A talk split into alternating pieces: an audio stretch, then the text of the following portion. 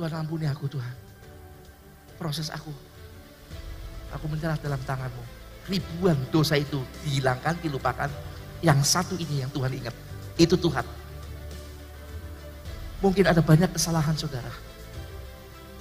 Ada yang mungkin saudara duduk ini terakhir kali saya mau gereja. Karena saya begitu jahat, kayaknya nggak pantas. Stop. Saudara disayang Tuhan. Tapi mau relakan, relakan hatimu untuk diproses. Seperti bejana. Waktunya singkat saudaraku untuk kita masuk pada gereja yang sempurna. Relakan hatimu untuk kita diproses dalam kasih Tuhan.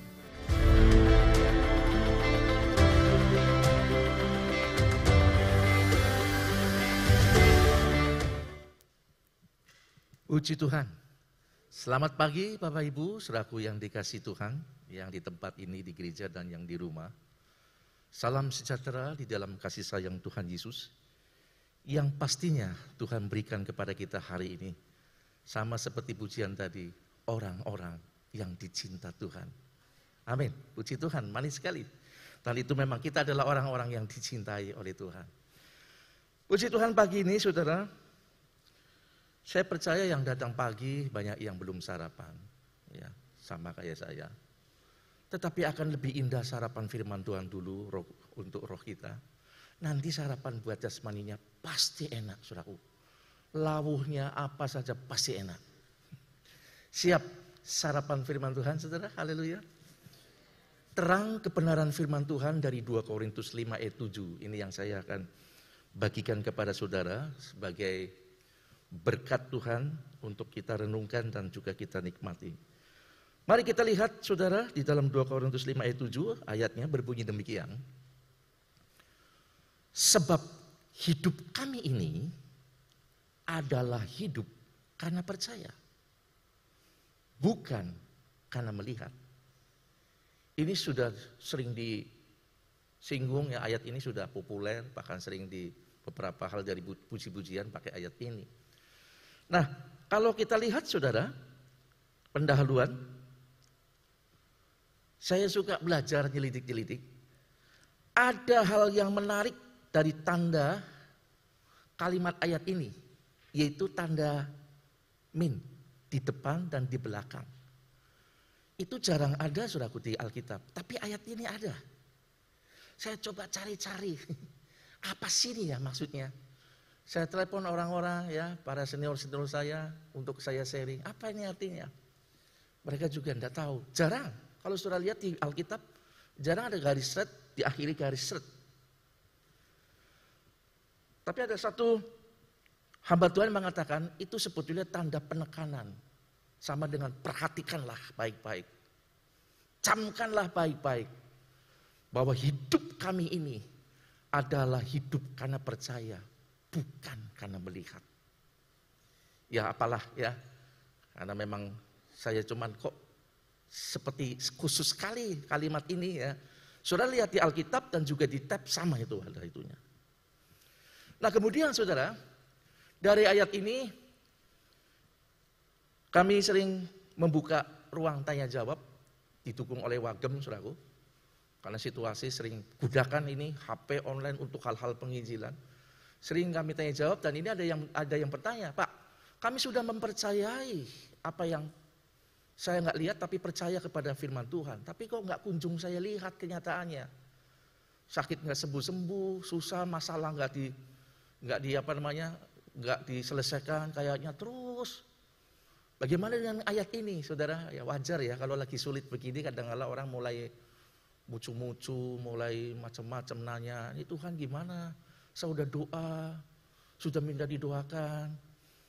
Saudara, kalau kita membaca ayat ini memang kita harus yakini dan akan lebih jelas kalau kita lihat dalam konteks asli ayat ini bahwa hidup kami ini adalah hidup karena percaya bukan karena melihat. Nanti kita lihat ayat ini, terang firman Tuhan dalam 2 Korintus 5 ayat 7. Mari kita lihat selanjutnya. Masuk pada pokok bahasan Saudara. Jadi ada tiga pokok bahasan yang terdapat dalam ayat pokok kita yaitu 2 Korintus 5 ayat 7 yaitu yang pertama dari kata melihat. Kedua dari kata percaya dan ketiga dari kata hidup. Nah ketika saya belajar dan mempelajari, kita akan melihat saudara, bahwa ayat ini begitu dalam maknanya. Kalau di bahasa Indonesia cuma segitu aja. Tapi dalam penulisan teks aslinya itu dalam sekali maknanya dan kita bisa mengerti dalam hal ini. Mari kita melihat yang pertama tentang melihat. Nah kata melihat di sini saudaraku, dalam konteks asli atau dalam bahasa Yunani ditulis eidos. Yang artinya ada dua hal, mempercayai apa yang dilihat.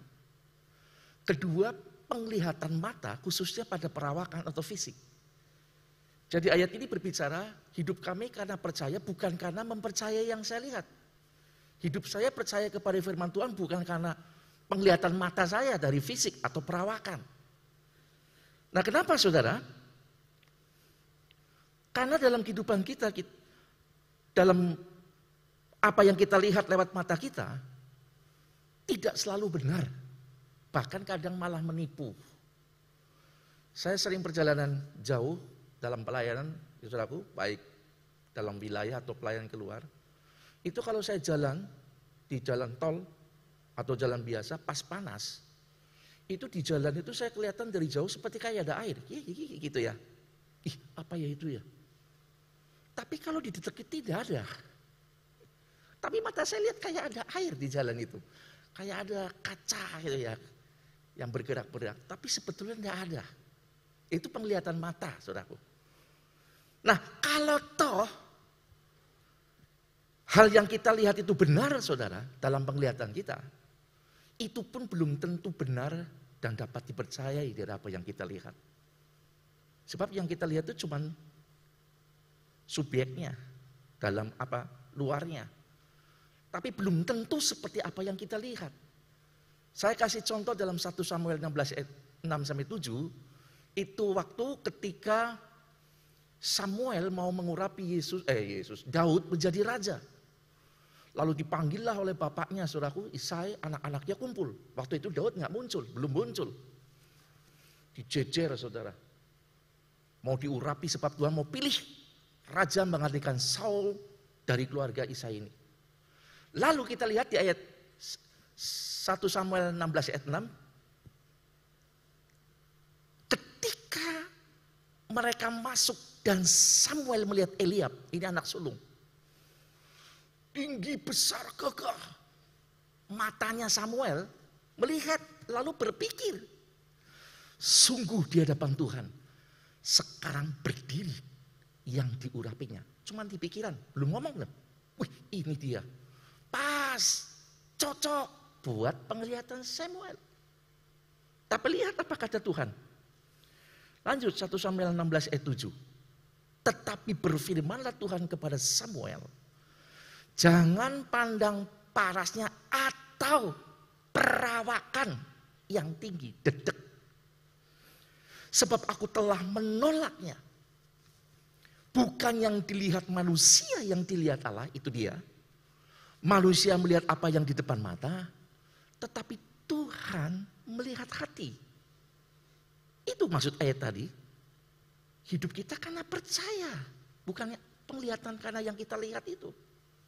Untuk itu saudara, dalam catatan selanjutnya, hidup karena percaya bukan karena melihat, dapat disimpulkan bahwa hidup percaya kepada apa yang dilihat Tuhan melalui kebenaran firman-Nya bukan pada apa yang kita lihat. Paham di sini ya Bapak Ibu ya? Kita mempercaya apa yang dilihat Tuhan dari firman, melalui firman Tuhan, bukan dari penglihatan kita. Dan itu yang ditekankan oleh Rasul Paulus dalam 2 Korintus 5 ayat 7 tadi. Itu yang pertama. Dan yang kedua mari kita lihat pada kata yang kedua. Percaya. Nah kata percaya itu ternyata ditulis sama dengan artinya iman saudara. Sama artinya pistis atau pisteo sama saja. Ya. Sebab kayak terjemahan Indonesia itu ada ada ejaan lama dan ejaan baru.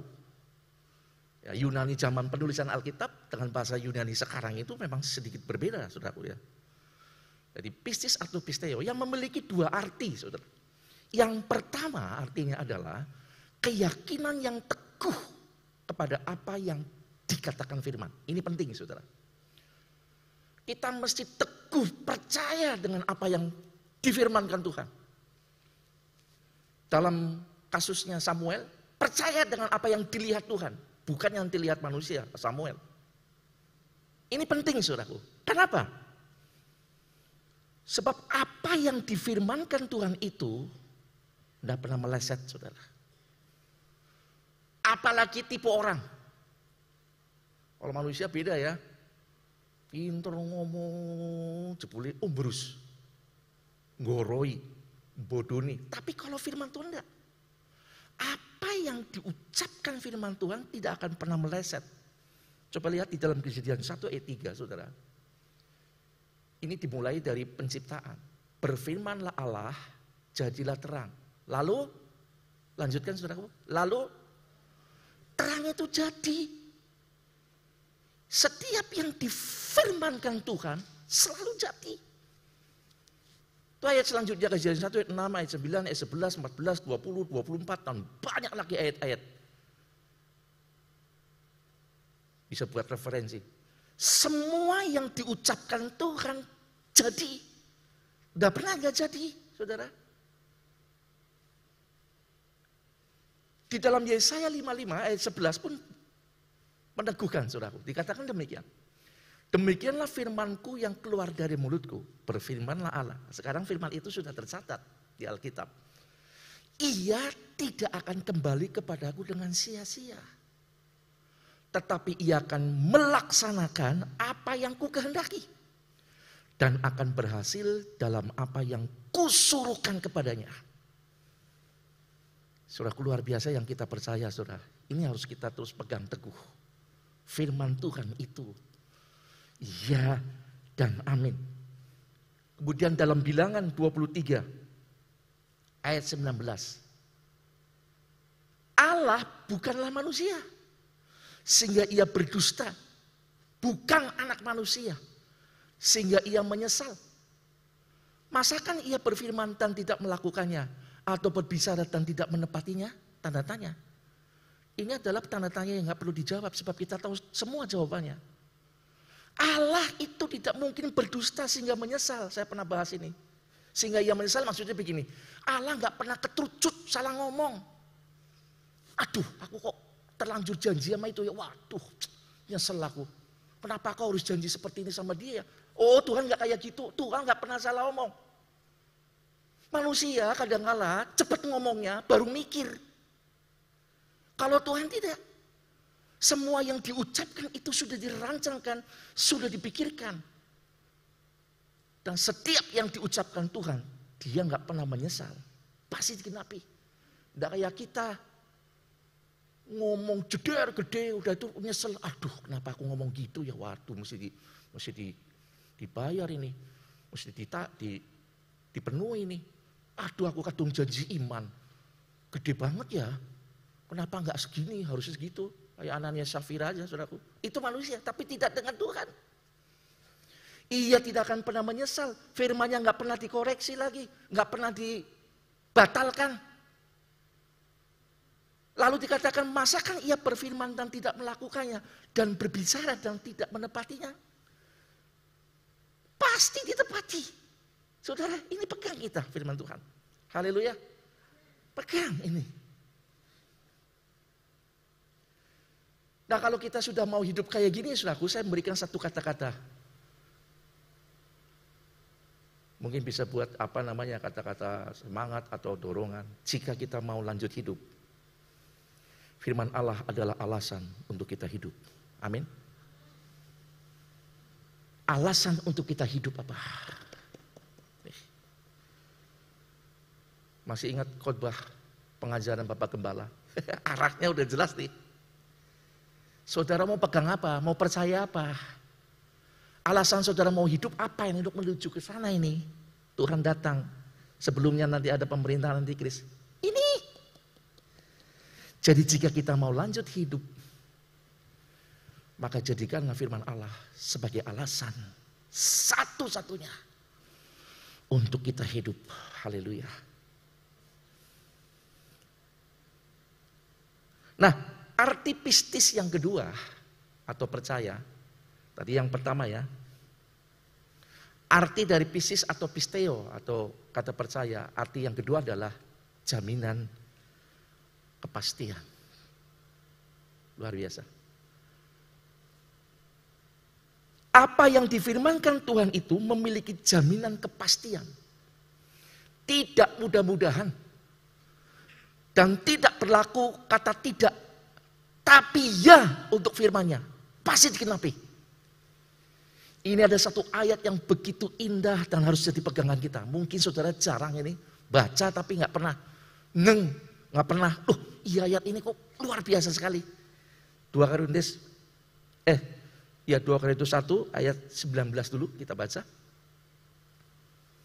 Karena Yesus Kristus, anak Allah yang telah kami beritakan di tengah-tengah kamu, yaitu olehku dan oleh Silwanus dan Timotius, bukanlah ya dan tidak, tetapi sebaliknya di dalam dia hanya ada ya.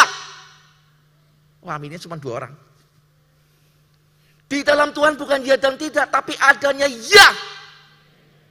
Kurang keras. Ya. Itu dia. Ini firman berulang-ulang saya bolak-balik baca.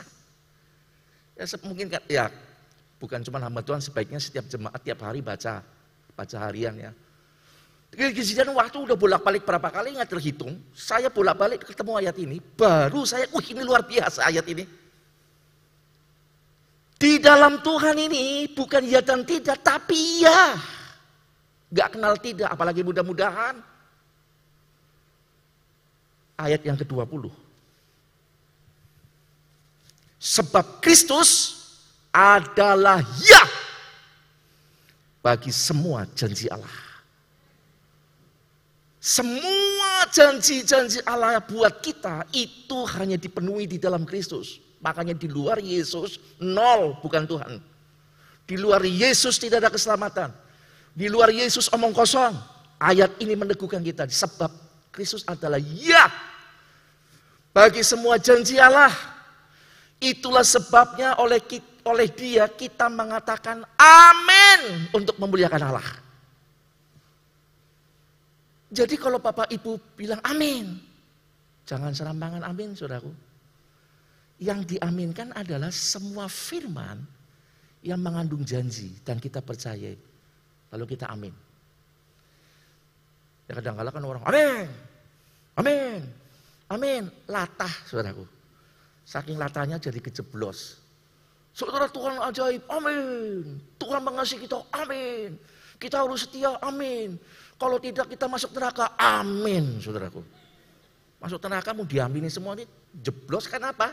Nggak ngerti semua diamini semua. Jadi kalau kita amin-amin kita lihat-lihat dulu saudaraku. Ya firman Tuhan, ya, kalau itu yang diberitakan janji Tuhan, kita amin kenceng, no masalah. Amin gitu ya. Ini saudaraku, hal yang kedua. Sekarang yang ketiga. Hidup. Kata hidup, suraku, dalam bahasa Yunani tulis peripateo. Yang memiliki arti yang pertama bergerak maju. Sebab hidup kami adalah karena percaya bukan karena melihat. Kata hidup itu paremateo, bergerak maju. Nah orang yang dengan mantap bergerak maju, adalah orang yang memiliki kepercayaan dan, zaman, dan jaminan pasti dari Tuhan. Kenapa orang tiba-tiba berhenti? Bukan cuma tidak ibadah. Berhenti jadi orang Kristen. Lalu nyebrang. Jadi mu. A. Ngerti ya? Karena dia sudah nggak percaya. Tidak memiliki kepercayaan. Dia nggak percaya jaminan Tuhan dengan yang dia omong. Kecewa. Ah mana ditulis-tulis saya udah begitu tapi nyatanya saya nggak dapat dapat ke situ. Dia nggak bakal bergerak maju. Saudara, Israel dalam perjalanannya, dia hanya dapat mendapatkan tuntunan Tuhan, berkat-berkat Tuhan, mujizat Tuhan, kemenangan Tuhan ketika dia bergerak maju sesuai dengan tiang awan. Ya, kalau siang dan tiang api kalau malam. Kalau itu berhenti, mereka berhenti berkemah. Ketika tiang awan atau tiang api naik Mau siang, mau malam naik dan bergerak. Dia harus bergerak maju. Mempercayai pimpinan Tuhan. Mempercayai ke mana Tuhan mau bawa. Dan dari situ mereka melihat berjalan dengan Tuhan. Sampai kepada tujuan yang Tuhan inginkan. Dalam kehidupan kita pun seperti itu. Saudara yakin kepada firman Tuhan. Saudara memiliki kepastian jaminan. Bergerak maju. Jangan jadi orang Kristen, Kristen-Kristenan, tapi jadilah orang Kristen, Kristen tenanan. Yang sungguh-sungguh. Bergerak maju. Apa yang dapat saudara buat untuk Tuhan? Bergerak maju. Berulang-ulang Bapak Gembala kita berkata, jangan jadi orang Kristen yang nganggur. Bergerak maju. Apa yang saya bisa dapat buat untuk Tuhan? Kerjakan. Yang bisa ngajar bapak-bapak ibu-ibu yang di TK, ngajarlah guru selam minggu. Saya nggak bisa apa-apa pak, modalnya senyum. Jadilah penerima tamu. Banyak. Nggak mesti harus di mimbar. Pelayanan banyak. Saya nggak bisa apa-apa. Ini, itu, itu. Masih punya suara, bisa. Jadilah pendoa syafaat. Kita membutuhkan orang-orang untuk kita bentuk sebuah tim pendoa syafaat, saudara dari tim doa itu rindu ke situ tapi belum terlaksana ya membutuhkan pribadi-pribadi yang ini mau bergerak maju ya. menjadi pendoa syafaat dan banyak hal arti peripateo yang kedua tadi kan bergerak maju sekarang arti pariteo yang kedua adalah melewati proses setelah kata hidup atau pariteo itu yang kedua melewati proses. Nah, orang yang memiliki keyakinan teguh dan jaminan kepastian tidak akan lari dari proses. Nah, ini suraku. Di titik ini banyak orang mulai gugur imannya. Aku percaya, Pak. Bukan dari apa yang kulihat, aku percaya firman Tuhan yang belum terlihat. Tapi untuk menuju ke sana itu ada proses. Jangan mintanya jebleng langsung jadi. Ada proses yang harus dilewati. Minggu kemarin Bapak kembali kita khutbah bahwa Tuhan janji kita akan diangkat hidup-hidup. Amin. Gereja Tuhan akan diangkat hidup-hidup. Lepas dari antikris itu bukan ujuk-ujuk jadi diangkat, ada proses. Paham Saudara? Kita percaya apa yang belum kita lihat kan belum terjadi, betul. Tapi untuk ke sana ada proses. Di titik ini banyak orang jembalikan semua. Mana buktinya? Aku udah doa kok nggak nyata-nyata. Ada proses. Jadi saudaraku yang Tuhan kasih, saudara yang sakit nggak sembuh-sembuh, ada proses. Tuhan tahu. Saudara mungkin belum dijawab doanya, ada proses. Tuhan nggak bohong. Firmannya tadi udah kita lewatin, kita bahas tadi. Ada jaminan, firman Tuhan ya dan amin. Tapi untuk menuju ke sana ada proses. Malaikat 3 ayat 10. Wah pendeta ini paling suka khotbah ini nih. Tuhan janji apa? Aku akan membuka tingkap-tingkap langit untuk mencurahkan berkat, bayangin. Gerocok, sudah bukan hujan gerimis, gerojokan. Aku akan menghalau belalang pelahap. Sehingga hasil pertanian kalau zaman dulu kan usahanya bertani dan berternak. Akan berhasil diberkati. Enak tuh janji itu. Tapi ayat itu tidak sepenggal, ada prosesnya. Kalau saudara baca sepuluhnya, Malaikat 3 sepuluh, bawalah persembahan persepuluhanmu. Mau berkat curahannya, prosesnya tidak mau. Lah saya kepiben. Jadi hidup itu atau paripateo, arti yang kedua itu melewati proses. Gampang saudara. Saudara makan nasi kan? Semua makan nasi, amin. Saudara aku nggak ada yang bekatul loh ya. Ayam. Itu nasi yang saudara makan ada proses, bukan ujuk-ujuk ada nasi. Loh saya beli pak itu nasi, ya betul. Tapi prosesnya dari padi. Pari. Pari punya menteleng begitu nggak langsung ditanak, digiling saya saudara aku biar galanya, gala, gabahnya hilang. Setelah jadi beras bukan dimakan begitu aja, direbus. Godok. Orang Tegal medok teman. Matangnya harus pas orang nggak jadi bubur, gitu. Kalau nggak meletes, gitu. Kalau makan setengah matang saya pernah meletes ya. Segarnya kurang matang. Itu ada proses. Pasti. Nasi itu pasti akan saudara makan. Tapi untuk itu proses itu harus kita jalani. Jadi kadang-kadang kalau kita menangkap sebuah janji firman Tuhan, jangan sudah pikir instan, ujuk-ujuk langsung jadi. Mintanya hari ini aku berdoa, besok langsung dijawab, tunggu dulu. Memang selaku dalam kasus-kasus tertentu, tidak menutup kemungkinan Tuhan bikin mujizat. Bukan besok, hari itu juga Tuhan ketika sudah berdoa, jadi itu mujizat.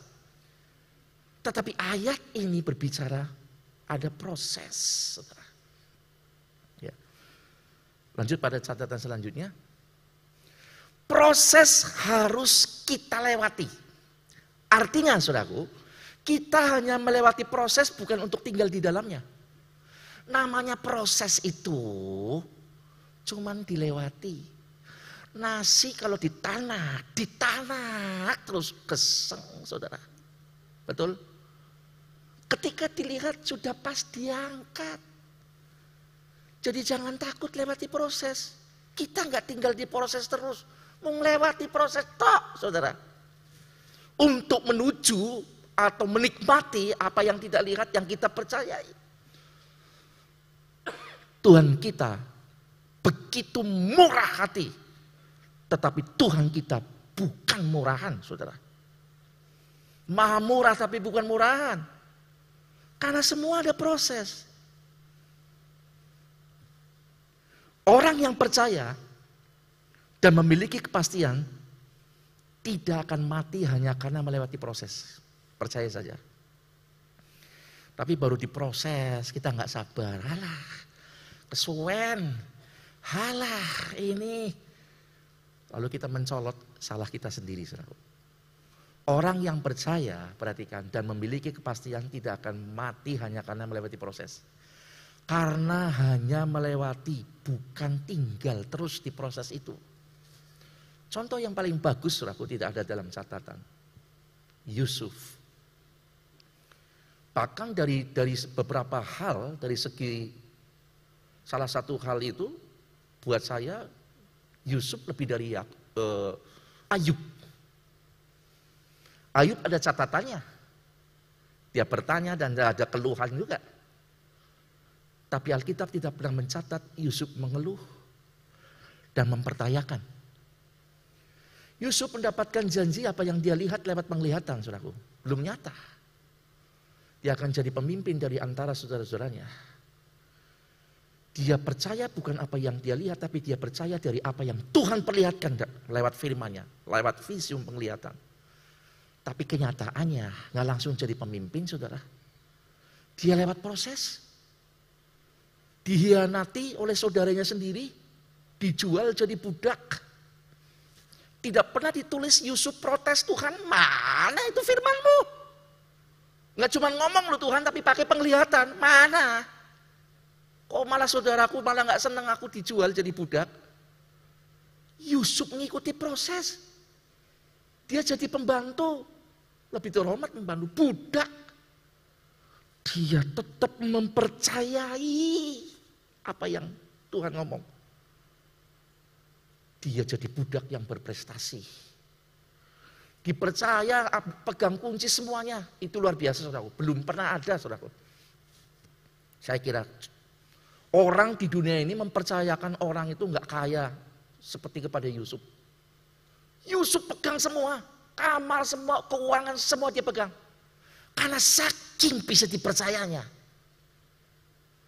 Justru Yusuf menggunakan proses itu untuk dia berprestasi. Jadi terang buat tuannya, Potifar. Iblis lihat, wah, tidak suka dia. Dia disodori dengan ujian, saudaraku. Kenikmatan dunia oleh Bufar. Istri Potifar namanya nggak ada kan? Ada yang sudah tahu namanya istri Potifar? Ada yang bilang katanya Jamilah, di mana ditulis Jamilah? Enak aja.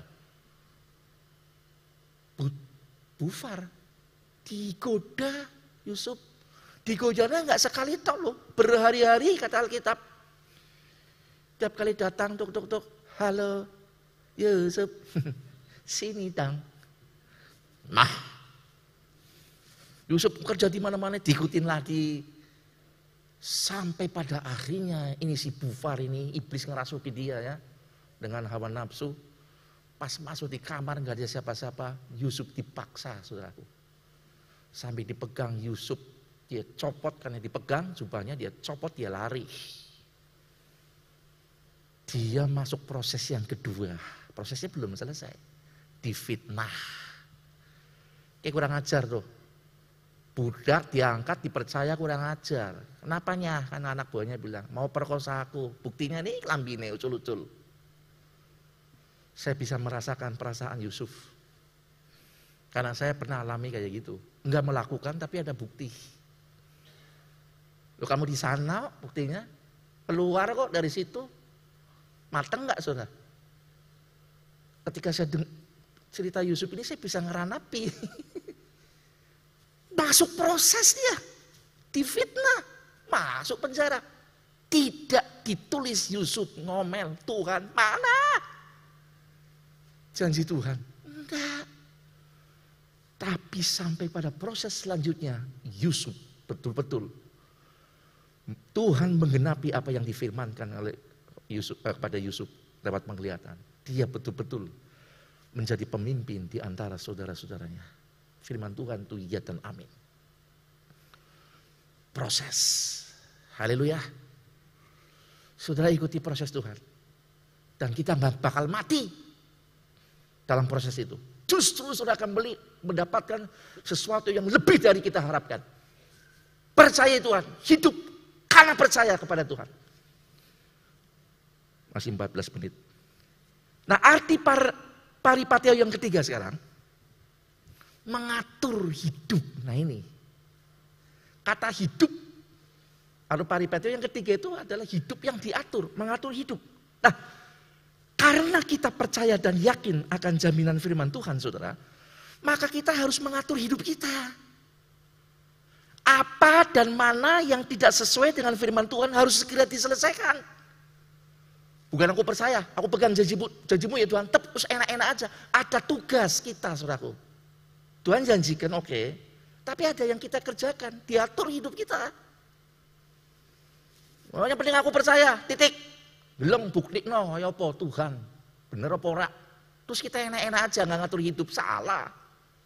Tapi kita harus atur hidup kita. Apa dan mana yang tidak sesuai dengan firman Tuhan harus diselesaikan Bapak Ibu. Ya.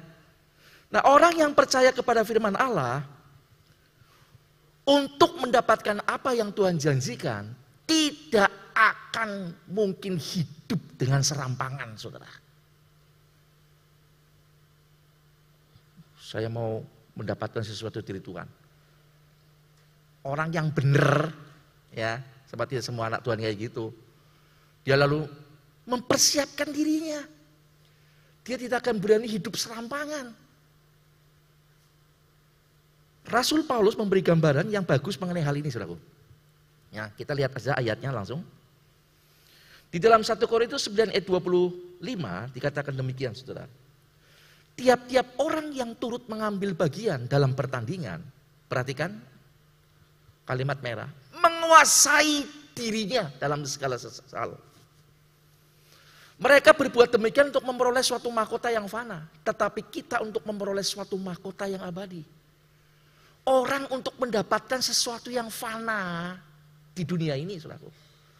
Sampai me, mengatur hidupnya begitu rupa dengan kalimat menguasai dirinya dalam segala hal. Dia atur baik-baik ini untuk saya ke sana mendapatkan janji Tuhan ini.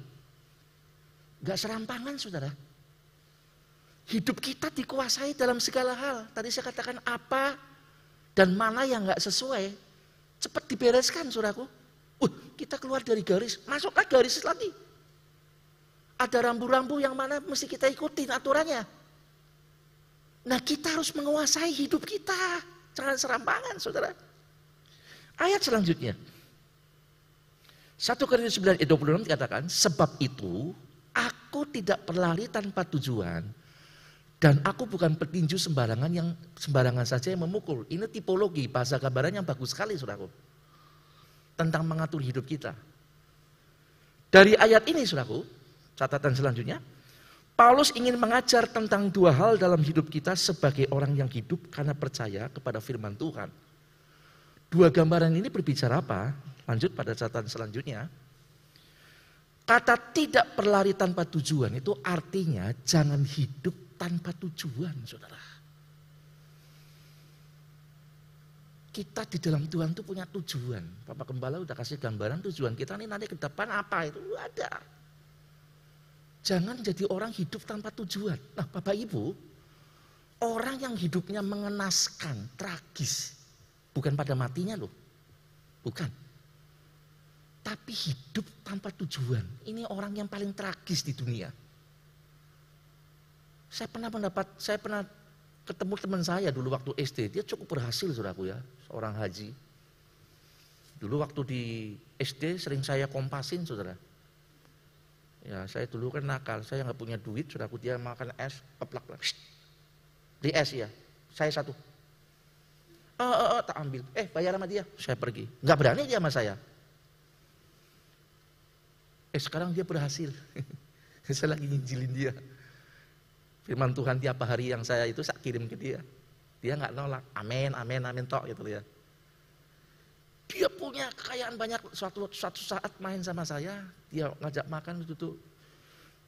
Saya punya semua ya. Alhamdulillah dia bilang begitu. Tapi saya bingung ke depan mau apa ya. Semua sudah ada, saya mau ngapain lagi? Saudara, saya bilang hidupmu tanpa tujuan. Sudah tercapai itu semua apa lagi nggak tahu. Hatamu mau ke mana? Saya masuk ke situ. Tentang sebuah kehidupan. Tapi biasa udahlah. Kita ketemu tidak membahas tentang agama. agamamu, agamamu, agamamu. Dia selalu menghindar seperti itu. Tanpa tujuan. Saya bilang kamu orang yang paling menyedihkan dan paling tragis hidupmu. Saudara jangan jadi orang hidup tanpa tujuan. Di dalam Tuhan kita punya tujuan. Ya. Nanti saya ikut Bapak-Bapak Kebala. Saudara camkan baik-baik apa yang akan kita tuju ke depan. Lanjut. Kata-kata bukan petinju yang sembarangan saja memukul artinya jangan hidup serampangan. Asal-asalan sembarang pukul. Allah urip wis gampang lah macam-macam. Kota pendeta apa ini ini mau nakut-nakuti tok kadang-kadang begitu. Saudara maaf saudara. Kami hamba Tuhan memberitakan apa yang ditulis Alkitab bukan nakut-nakuti. Kalau kita nggak beritakan, nggak kasih tahu salah kita di hadapan Tuhan, kami di depan Tuhan kami disalahin. Lah kamu ngapain jadi jadi alat puji dan Enggak pernah ngomong apa yang aku omongin. Wah repot. Omongin. Jangan hidup serampangan, asal-asalan, sembarang pukul. Malah hidup sekali, udah buat senang-senang. Kadang-kadang ada slogannya, hidup cuma sekali. Yang penting enjoy. Ketika kaya, eh ketika muda, hiduplah foya-foya. Mati tua, masuk surga. Lo kok gurih temen? Memang surga punya mbahmu. Lihat-lihat itu, ngomongnya enak sekali. Masih muda, hiduplah foya-foya. Mati tua, masuk surga. Ya kalau matinya tua. Waktu foya-foya malam itu malam terakhir. Masuk neraka dia. Nah orang-orang begini sebetulnya orang yang nggak ngerti tujuan hidupnya. Ya. Jangan hidup serampangan. Janganlah salah-salah kayak orang sembarang pukul. Itu yang Paulus beri gambaran.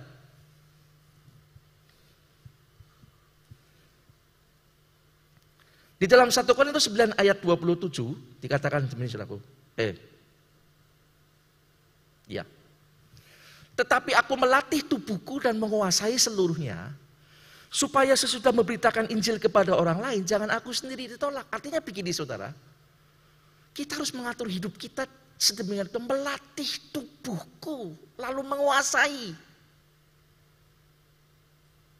tubuh kita dikuasai suraku untuk mengatur hidup mau masuk gereja malas kuasai jangan turuti itu bangun kebaktian bro tapi kadang-kadang lah masih ada minggu ngarep turu bela minggu depan masih ada minggu ngarep turu lah lama-lama dia nggak bangun lagi suraku alias innalillahi.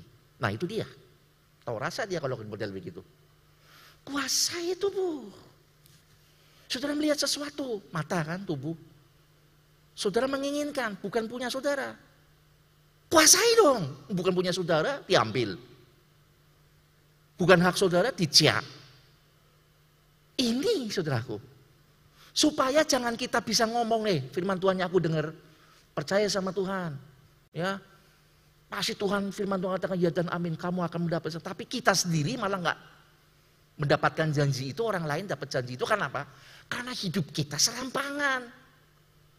Yang lain dengar, sungguh-sungguh dia mampu menguasai melatih dirinya. Saudaraku yang Tuhan kasihi, orang pengen diberkati, janji firman Tuhan pengen digenapi, yes, ya dan amin, firman Tuhan bilang gitu. Tapi ibadah aja jarang. Onsite nggak pernah, apalagi online. Mungkin sebentar lihat sambil duduk tiduran, melek wis amin. Tapi saya percaya di rumah nggak kayak gitu. saya, saya cita yang di sana-sana. Tapi katanya sana sini ada. Loh kepiye mau di ini kuasai atur hidup kita. Ini kayaknya nggak pas nih. Kalau saya nggak pas melenceng dari firman Tuhan ya jelas nggak ketemu sama janji Tuhan. Balik lagi saudara. Bertobat. Itu loh. Haleluya.